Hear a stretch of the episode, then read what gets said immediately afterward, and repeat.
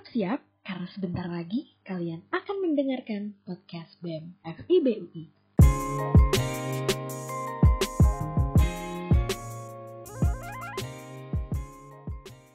Assalamualaikum, Shalom, Om Swastiastu, Namo Buddhaya Rahayu. Halo sahabat budaya, selamat datang, selamat bergabung di podcast BEM FIB UI. Di episode kali ini, kalian akan ditemani oleh gue, Zina, dan partner gue. Halo semua, salam kenal ya, gue Fatimah. Nah, pada episode kali ini kita udah ngundang satu departemen nih, yaitu Pengmas. Yuk kita kenalan aja. Halo Pengmas, gimana nih kabarnya? Aman nggak? Eh, halo. Halo teman-teman semua. Kenalin, kami dari Departemen Pengabdian Masyarakat dan Lingkungan BEM FBUI 2020 atau yang biasa dikenal dengan Pengmasling. Singkatnya sih sebut kita Pengmas aja. Dan kalau ditanya nih apa kabar kita? Alhamdulillah kita bertiga baik-baik aja. Alhamdulillah ya. Masih belum positif corona. Alhamdulillah. Jangan sampai, Bu. Iya, jangan sampai. Eh, nah, Pengmasling, sahabat budaya pengen tahu nih, Pengmasling itu apa sih dan ada siapa aja di dalamnya? Boleh dong dikenalin sedikit teman-temannya. Oke, jadi kan tadi udah eh, gue jelasin ya uh, Pengmasling itu apa kepanjangannya. Jadi Pengmasling itu adalah salah satu departemen yang ada di BEM FIBUI dan kita ini eh, sangat concern gitu loh. Kita tuh apa ya eh, kita kita nih departemen yang ngebawahin isu-isu yang berkaitan sama sosial dan juga lingkungan. Dan kalau kalian kepo nih sama BPH-nya, itu ada gue, gue kenalin, gue di sini Pia dari eh, Sastra Indonesia 2018. Di sini gue diamanahkan sebagai kepala departemen. Terus habis itu yang ikut juga di podcast ini dua wakil gue juga yang cantik-cantik, ada Ishel dari Sastra Rusia 2018, dia sebagai wakil kepala departemen eksternal dan yang kedua itu ada Niki dari Ilmu Perpustakaan 2018, dia sebagai wakil kepala departemen internal. Oh, rame juga ternyata ya. Terus kalau staff-staffnya, kalian ada berapa nih? Nah, jadi di Pengmas itu kita ada divisi-divisi gitu kan, biar kerjanya makin fokus. Nah, itu ada cerdas, bakso, sabui, sama ada yang namanya fungsi media dan propaganda. Nah, anak-anak kita sendiri itu biasanya kita sebut ranger. Jadi ada Salma sama Kawas di bagian sabui, terus ada Ega sama Putnap di cerdas, ada Rizky sama saya di baksos, lalu di Medprop ada Yobel, Raisa, sama Arya. Hmm, seru juga ya ternyata rame juga staffnya. Nah, tapi kan kita semua tahu nih, kita lagi pandemi kayak gini, berarti kan proper ada dong yang nggak jalan. Terus itu gimana solusi dari Pengmas buat mengatasinya? Nah, sebelum kita lanjut ke solusi, kita ini dulu nih kenalan dulu nih kan sahabat-sahabat budaya ini pasti belum tahu kan apa aja proker di Pengmas. Nah, Niki, ayo coba bisa jelasin dong proker di Pengmas tuh apa aja? Oke deh, kalau di Pengmas sendiri itu prokernya ada tiga dan satu fungsi. Nah, jadi uh, menurut proker-proker yang udah disebutin sama Isyal ada tiga. Yang pertama itu baksos atau bakti sosial. Jadi kalau di kondisi normal sendiri, kita bakal nginep selama 3 sampai 4 hari di suatu daerah dan tujuan kita di sana itu untuk meningkatkan kualitas hidup warganya entah di bidang kesehatan, pendidikan atau ekonomi. Sementara uh, proker kedua ini ada namanya sahabat budaya atau sabui. Jadi uh, mirip-mirip dengan baksos. Cuma bedanya adalah kalau baksos itu tiap tahun kita ganti tempat nih. Tapi kalau di sabui selama lima tahun berturut-turut kita bakal terus ada di tempat itu. Kenapa? Uh, karena tujuan kita di sini itu untuk menanamkan manfaat dalam-dalamnya. Sementara kalau baksos itu menyebar manfaat seluas-luasnya. Jadi kita pengen banget nih di Sabui untuk ilmu yang sudah kita berikan ke warga warga-warganya melekat dengan mereka dan uh, kita yakin nih kalau ilmu yang kita ajarin bakal uh, mereka gunakan. Nah biasanya kalau di Sabu ini bukan di daerah di pedesaan seperti di seperti Baksos tapi lebih ke uh, sekitaran Jabodetabek. Biasanya sih kalau nggak di daerah Depok, Bogor atau Jakarta. Tuh Nah, terus pokok ketiga ini ada cerdas-cerdas itu cerita dari lapas. Jadi tujuan cerdas ini itu untuk menghapus stereotip uh, tentang narapidana, tapi kita nyebutnya warga binaan biar lebih akrab nih. Jadi kita di sana uh, bakal ke lapas dan terus ngajarin ke mereka tentang uh, paket-paket UN. Jadi biar mereka setelah mereka keluar dari lapasnya, mereka bisa uh, menjemput pekerjaan yang lebih baik dengan uh, ijazah-ijazah tersebut. Terus yang keempat itu ada fungsi. Jadi fungsi di sini itu tugasnya untuk membahas isu-isu sosial lingkungan. Nah kalau kalian lihat nih di Instagram uh, BEM FIB itu banyak banget postingan tentang uh, isu sosial dan lingkungan dan itu yang membuat adalah metode. Jadi uh, untuk uh, buka donasi terus hari keluarga itu yang bikin postingan dari Medprop atau media dan propaganda. Oke, okay. nah kalau dipikir-pikir nih kan untuk kayak uh, cerdas terus juga bakso, sabui itu kan nggak bisa berjalan nih di tengah-tengah masa pandemi seperti ini. Dan yang kalau kalau kita lihat yang jalan itu media dan propaganda gitu. Nah kira-kira apa sih solusi kalian gitu untuk supaya proker kalian tuh bisa berjalan di tengah-tengah pandemi seperti ini. Oke, nah tadi kan uh, nanya gitu kan, apa sih solusinya gitu kan? Tapi sebelum kita ada solusi, kita pasti punya kendala dulu dong. Jadi uh, kendala kita sih di masa pandemi itu kan pengmas kan ciri khasnya itu kan kita terjun langsung gitu kan ke lapangan buat ngasih bantuan ke masyarakatnya gitu. Kita ada kontak langsung dengan masyarakatnya. Tapi gara-gara ada pandemi ini kita kan jadi nggak bisa kontak langsung sama masyarakatnya dan itu sih apa sih namanya kendala yang paling bikin kita mikir banget gitu gimana ya caranya kita tuh masih bisa ngasih bantuan ke masyarakat tapi kita tuh tetap harus uh, ngikutin protokol kesehatan kayak gitu jadi kayak paling kendalanya sih ya kita nggak bisa ketemu masyarakat rame-rame kayak gitu. Mm -hmm. Nah, terus solusi untuk itu jadinya proker yang nggak bisa ke kita terjun ke lapangan langsung itu kita alihin ke yang kita alihin ke proker-proker yang masih bisa jalan tapi nggak harus kita terjun langsung. Kayak misalnya kita ngadain webinar atau donasi jadi gitu. Kita juga nggak mau ambil resiko kan tentunya maksain untuk tetap kerja lapangan di kondisi kayak sekarang gini. Benar-benar. Betul sih. Tapi ini enggak sih? Gue jadi kepikiran pedagang Kansas sama Pak Wagino tuh kan namanya ya yang suka jualan di koperasi tuh yang kacamata. Iya benar. Mereka jadi gak kerja nih selama pandemi kita PJJ itu gimana ya kabar mereka sekarang? Gue juga sempat lihat tuh uh, Pengmas buka donasi kan buat mereka. Iya nggak sih Zain Oh iya tuh, benar. Pengmas kan sempat buka donasi nih untuk pedagang Kansas, juga apalagi yang buka usaha kacamata di FIB. Bisa kalian ceritain nggak sih kronologi pembukaan donasi ini sampai akhirnya sampai ke pedagang Kansas, Kansas dan Pak Alginanya langsung? Hmm, oke, oke. Kalau dari donasinya sendiri itu, uh, awalnya ya emang kita kepikiran sih, kan uh, awal-awal PJJ itu benar-benar chaos banget kan tuh, gimana nih orang-orang uh, apa bisa keluar terus siapa sih yang beli ke pedagang-pedagang di pinggiran apalagi pedagang Kansas itu siapa sih yang beli kan uh, kita tahu juga kan pas awal-awal uh, COVID ini udah bener ketat banget sampai uh, apa diliburin kan terus juga karyawan di shift shift jadi ada shift pagi ada shift sore. Terus uh, kita kepikiran nih ini berarti yang beli makanan di Kansas berkurang dong. Berarti pemasukan mereka juga berkurang. Nah terus kita konfirmasi nih uh, ke Bu Lilis. Ini sebelum kita udah ada pikiran nih mau bikin donasi, tapi kita mau tanya dulu nih kondisi lapangannya gimana ke pedagang Kansas. Nah ini namanya Bu Lilis yang jualan warteg Kansas itu enak banget guys, kalian kudu banget beli. Jadi kita nanya nih ke Bu Lilis, ini gimana nih Bu kondisi pedagang Kansasnya?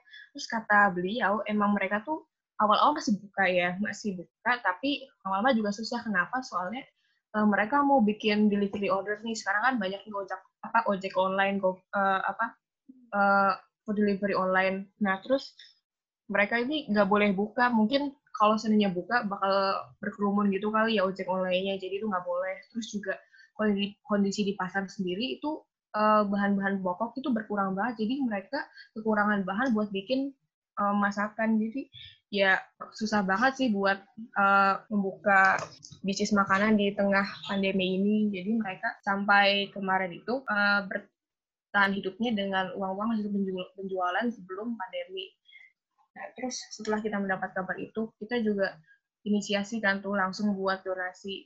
Tapi ternyata kita dapat kabar nih kalau Iluni FIB, alumni FIB dari uh, UI itu bikin juga donasi. Jadi kita ngajakin collab juga nih. Permisi kak. Saya kita mau collab nih dari BEM FIB oh iya boleh. Terus kita langsung deh collab dan akhirnya kita open donasi itu. Dan alhamdulillah kemarin udah kekumpul sebanyak uh, 9 juta. Itu udah kekumpul dan kalau totalnya sama Iluni itu sekitar 30 sampai 43 juta itu kumpul uh, apa namanya donasinya.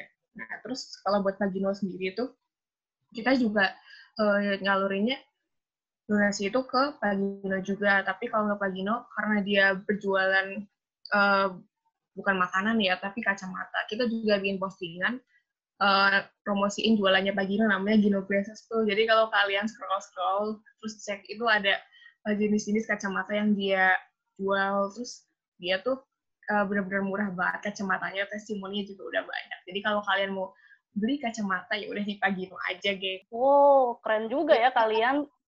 Keren sih. Tapi kalau misal ah tadi kan kalian udah ngumpulin nih dananya itu kalau dari alurnya sendiri gimana Oke, kalau dari alurnya sih tadi udah Niki sebut juga alurnya benar banget. Jadi uh, pas kita mikir-mikir uh, kita ki mau ngadain donasi buat Kansas nih, tapi kita nggak tahu nih nyalurinya ke siapa gitu kan. Oh ternyata Ilun itu juga buka uh, buka donasi gitu kan. Nah karena bentrok kan takutnya ntar BEM buka, Iluni buka juga, akhirnya kenapa nggak kita gabungin aja gitu kan. Ya udah akhirnya kita ngontak uh, Iluni, Kak Susi, terus abis itu ya beliau tuh nyambut dengan baik banget gitu kayak excited banget. Nah ini nih yang kita tunggu-tunggu gitu dari BEM gitu kan. Terus akhirnya ya udah kita ngebagi nih. Jadi Iluni tuh uh, dia lebih banyak ngumpulin donasinya ke alumni sedangkan kalau dari BEM itu ke mahasiswa. Jadi kita tuh di situ kenapa uh, nyediain kanal donasi juga yang banyak gitu. Ada GoPay gitu terus kayak berbagai bank karena kan itu juga buat ngemudahin anak-anak FIB yang mau donasi. Dan alhamdulillah sih anak-anak FIB e, eh, banyak banget gitu juga yang turut e, donasi gitu kayak excited gitu. Pokoknya seru deh. Ya Terima kasih teman-teman FIB, terima kasih sahabat budaya. Terima kasih Peng Masling, keren banget sih. Gila langkah yang kalian pilih ini. Nah, kalau misalnya nih kita bicara tentang PJJ, kan ada nih kebijakan yang mengatakan bahwa kelihatannya tuh semester depan bakal PJJ lagi. Nah, kira-kira nih dari Pengmas atau dari Iluni lagi nih buka donasi lagi nggak? Nah, jadi selain donasi APD petugas medis, pedagang kansas yang sudah kita buka kemarin, uh, di Proker Bakso sendiri, kita juga ada plan nih mau ngebuka donasi yang kerjasama juga dengan Pengmas HMP HMP di FIB untuk warga-warga yang berada di wilayah kekurangan. Selain itu juga kan semester depan seperti yang Fatima bilang tadi, kita kemungkinan bakalan PJJ lagi kan ya. Nah, terus kemungkinan kita akan membuka donasi lagi kayak semester kemarin kita buka donasi kuota atau pulsa untuk mahasiswa FIB yang kurang mampu. Kan PJJ makan banyak banget kuota ya, apalagi kalau yang tinggal di daerah yang jaringannya agak susah gitu kan untuk akses internet. Jadi kemungkinan kita akan buka donasi lagi sih untuk membantu sahabat-sahabat FIB yang lain. Wah, ternyata emang Peng Masling ini benar-benar mengabdi ke warga FIB ya, sahabat budaya. Keren, keren. Ngomong-ngomong soal COVID-19 ini selain masalah pedagang Kansas dan Pak Wagino yang kehilangan pekerjaannya kan cukup banyak isu-isu lain yang juga lagi rame-ramenya. Kira-kira ada nggak sih isu yang kalian lagi pengen banget angkat ke teman-teman di FIB? Oh, yang kalau isu yang pengen kita angkat sih ini deket banget sama kita sih sebenarnya, tapi kita suka nggak nyadar yaitu waste atau sampah. Apalagi sekarang kan serba online ya, kita pesan makanan terus dapat uh, kemasannya itu kan sampah ya, sampah yang nggak bisa didaur ulang nih kayak styrofoam yang udah kotor gitu kan nggak bisa didaur ulang tuh. Terus kayak kalau kita pesan barang-barang lucu-lucu tapi tidak berguna banget kayak online gitu, terus itu kan uh, banyak bungkus-bungkusnya ya kayak kerdusnya itu sampah terus bubble wrapnya itu sampah. Jadi kayak itu uh, benar-benar isu yang ingin kita angkat sih soalnya tadinya uh, kita kan pengen ngangkat isu ini saat kuliah offline kan tapi tapi kita tidak menyangka corona menyambut. Tapi uh, setelah kita lihat dia ternyata walaupun corona isu sampah ini tetap ada gitu loh bahkan nggak uh, cuma kita yang menghasilkan tapi alat-alat uh, medis kayak misalnya kayak bungkus obat atau masker medis itu juga kan uh, nggak bisa didaur ulang ya nggak bisa dipakai lagi. Jadi itu Iya, uh, sampahnya bakal numpuk-numpuk terus kali ya kan. Terus juga kemarin itu ada pergub Jakarta kan udah ngeluarin uh, pergub kalau uh, udah dilarang nih penggunaan plastik. Jadi itu pergubnya kan uh, keluarnya Desember tahun lalu ya terus uh, baru bis baru uh, berlaku Juli kemarin dan sekarang udah mulai sih udah mulai ini kan kelihatan banget tuh kalau kita beli di supermarket gitu udah nggak boleh plastik dan lain-lain Nah, tapi nih, gue waktu itu sempet lihat di postingan Instagram. Emang bener ya, eh, sampah itu bisa dijadiin beasiswa, apa namanya, waste for scholarship ya? Iya, Nah, oh iya iya. itu. Betul banget tuh, Waste for Scholarship. Nah, itu kan yang gue baca, e-waste for scholarship itu seperti yang bahas di situ kan, e-waste ini meliputi sampah elektronik dan kertas. Tapi Mm. apa bisa kita, nah tapi apa bisa kita menyumbang dalam bentuk sampah yang lain? Terus gimana sih prosedurnya kalau boleh tahu? Hmm. Nah, jadi Waste for Scholarship itu sendiri kan salah satu proker aliansi Pengmas UI ya. Jadi kita sama Pengmas eh, dari fakultas-fakultas lain juga kerjasama nih dalam proker ini. Jadi kalian-kalian yang di rumahnya kalau ada sampah kertas atau sampah elektronik kayak kabel yang nggak kepake atau earphone yang rusak dan lain-lain itu bisa banget tinggal isi form Waste for Scholarship yang bisa dilihat juga di postingan kita di IG BEM FIB UI nanti sampah kalian itu akan dijemput celah iya dijemput secara gratis gitu loh. Kan lumayan banget ya. Nah nantinya untuk sampah kertas itu kita salurkan ke pihak pengepul. Lalu untuk sampah elektronik kita collab bareng energi karya. Jadi nantinya eh, sampah-sampah itu akan kita salurkan ke energi karya. Nah, terus kalau untuk alurnya sendiri, kan sampah-sampah yang udah kita kumpulkan tadi masih bisa didaur ulang ya, jadi kertas koran atau tisu misalnya yang bisa dijual kembali. Nah, nanti hasil produk daur ulang tadi itulah yang dananya akan disalurkan untuk mahasiswa UI menjadi dana beasiswa. Tuh, lumayan kan teman-teman, kalian tinggal isi form, ntar sampahnya dijemput secara gratis, kalian udah bisa berbuat baik yang walaupun yang walaupun itu kecil tapi dampaknya bisa luas untuk orang lain. Sampah aja dijemput, masa kamu enggak? Tapi gue baru tahu sih kalau ternyata ini gratis. Makanya nih, teman-teman sahabat budaya yang lagi dengerin podcast, kalian boleh banget ikutan yang apa Waste for Scholarship ini. Kan lumayan banget kan, sampah-sampah yang ada di rumah kalian itu bisa dimanfaatin lagi daripada kalian buang terus malah menambah pesak bumi ini ya enggak sih gitu. Mm-mm. Terus kalau di FIB sendiri itu udah ada dua orang yang donasi.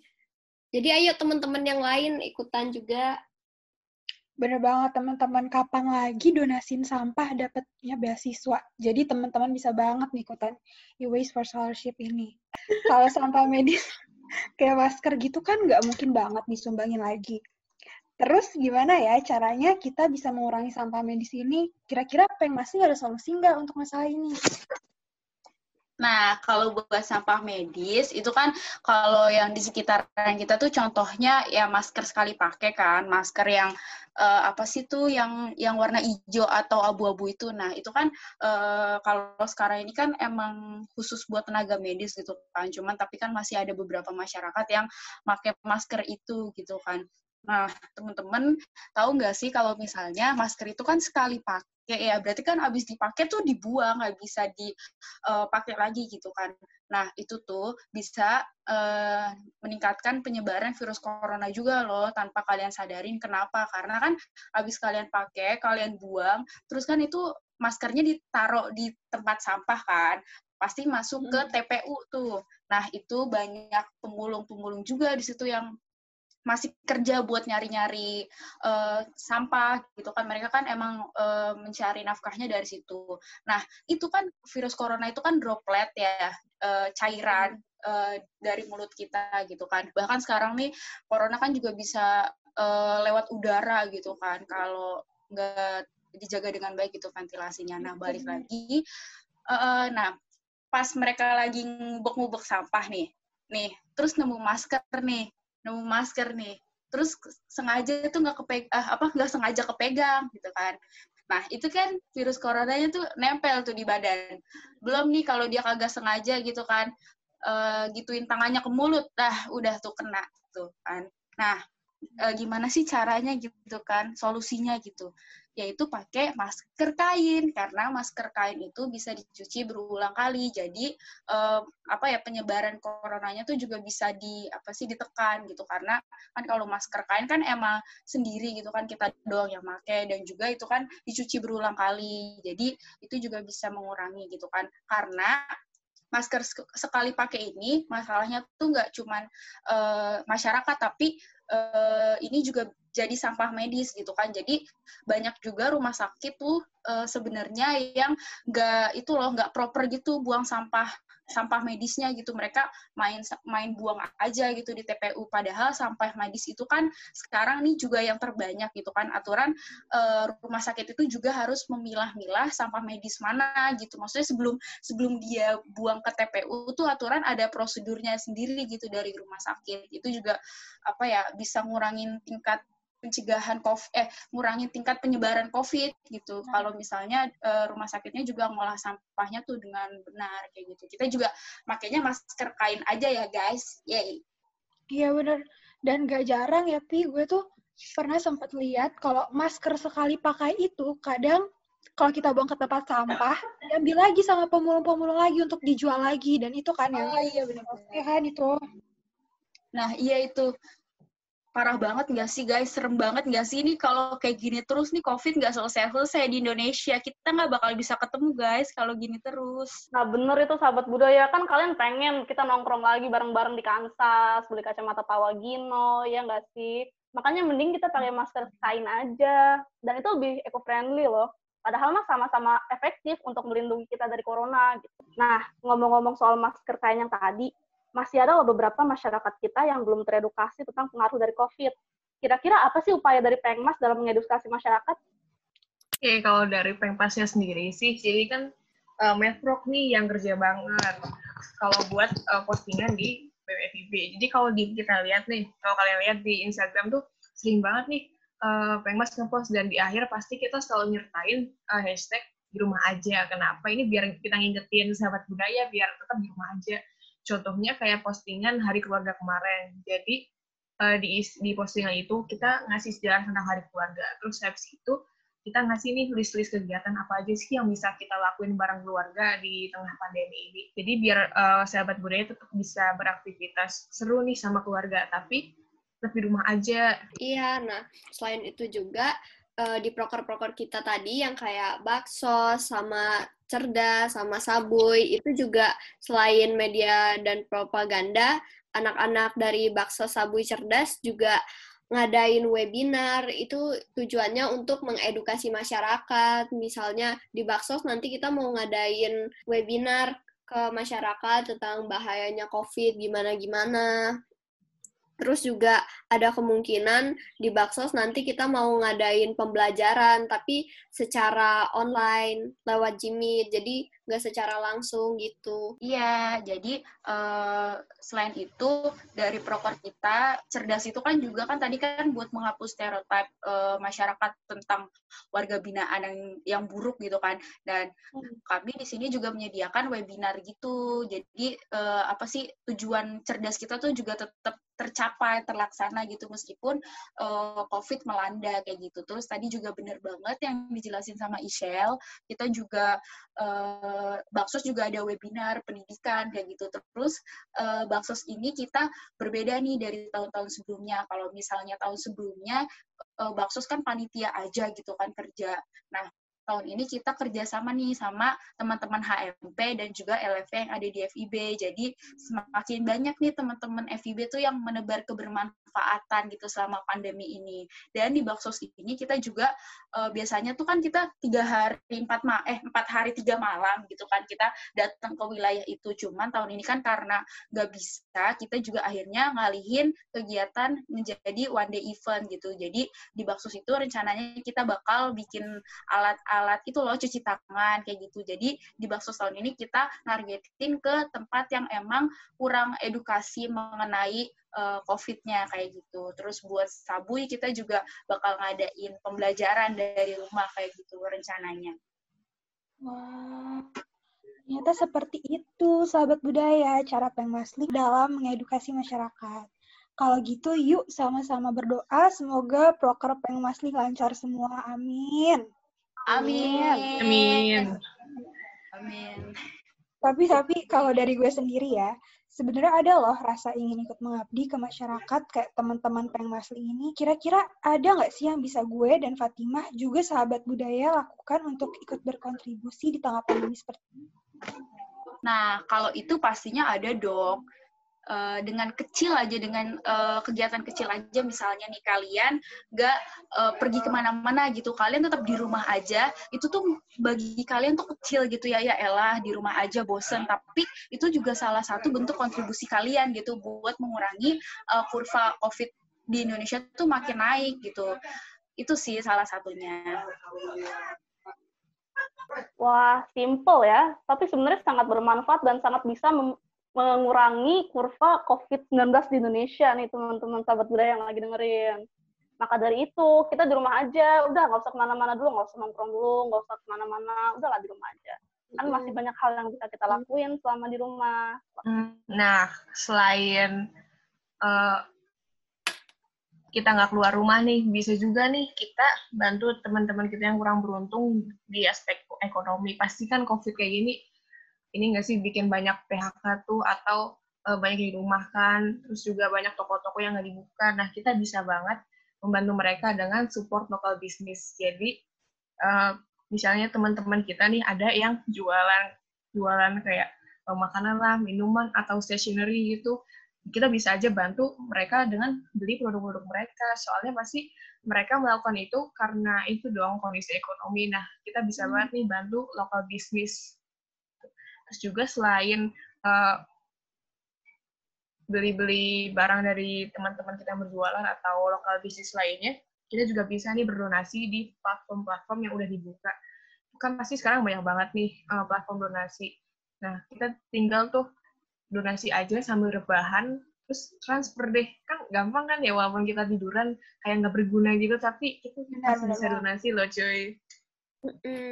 Nah, terus itu kalian juga bisa donasi kan. Nah, tapi kalau seandainya nih kalian juga di rumah aja nggak dapet duit jajan, terus misalnya nih kalian juga nggak bisa donasi. Nah, tapi kan di masa liburan sekarang kalian suka gitu kan beres-beres rumah atau bongkar-bongkar lemari, terus nemuin barang-barang atau baju-baju yang udah nggak kepake lagi.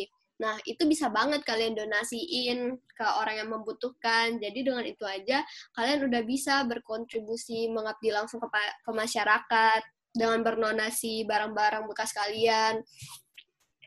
Bisa ke tetangga kalian yang mungkin kurang mampu. Atau juga uh, kemarin gue dikasih tahu temen gue itu kalian bisa cek Instagramnya uh, dapur umum underscore itu dia nerima donasi berupa baju sama buku bekas. Keren banget. Bener banget tuh sahabat budaya. Banyak banget yang bisa kita lakuin di rumah aja. Jadi kalian nggak perlu takut sama yang namanya bosan selama kalian bisa memanage rasa bosan itu. Kayak yang tadi udah dibilang sama Pia, Niki, Ishel. Kita bisa uh, dengan adanya teknologi kita bisa belanja dari rumah, kita bisa ketemu teman-teman dari rumah, kita bisa berdonasi dari rumah, kita bisa berbagi dari rumah. Jadi gue dan teman-teman di sini yakin dengan di rumah aja pasti bisa jadi jauh lebih menyenangkan.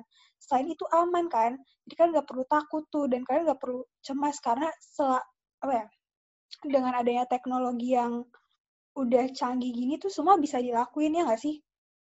Betul banget tuh Zay. Makanya sahabat budaya, kita di rumah aja, kita dengerin nih kata kakak-kakak pengmas ini nih, karena dia karena mereka itu udah turut membantu banget berkontribusi dalam mengurangi wabah pandemi COVID-19 ini. Nih, sebelum kita tutup podcastnya, kira-kira ada nggak yang mau disampaikan lagi nih kata-kata terakhir? Eh, kok serem ya? Kayak ya sepatah dua patah terakhir lah dari Pengmas Link. Ayo teman-teman, sahabat budaya, tetap di rumah aja biar tahun depan kita bisa ketemu dan juga kita bisa ganjilan bareng. Yeay. Yeay, tepuk tangan lah. Selain itu nih, selain itu, podcast BEM FIB UI tiap bulannya akan ngeluarin episode dengan bintang tamu juga topik-topik yang menarik untuk nemenin kamu selama di rumah aja. Jadi di rumah aja ya. Rumah aja sahabat budaya. Terima kasih banyak ya Pengmas sudah datang di podcast pertama BEM FIB UI. Yeay! Seru banget. Gue Fatima, Gue Zaina. kami berdua pamit dulu. Dadah. Dadah. okay. I know that you're coming back home.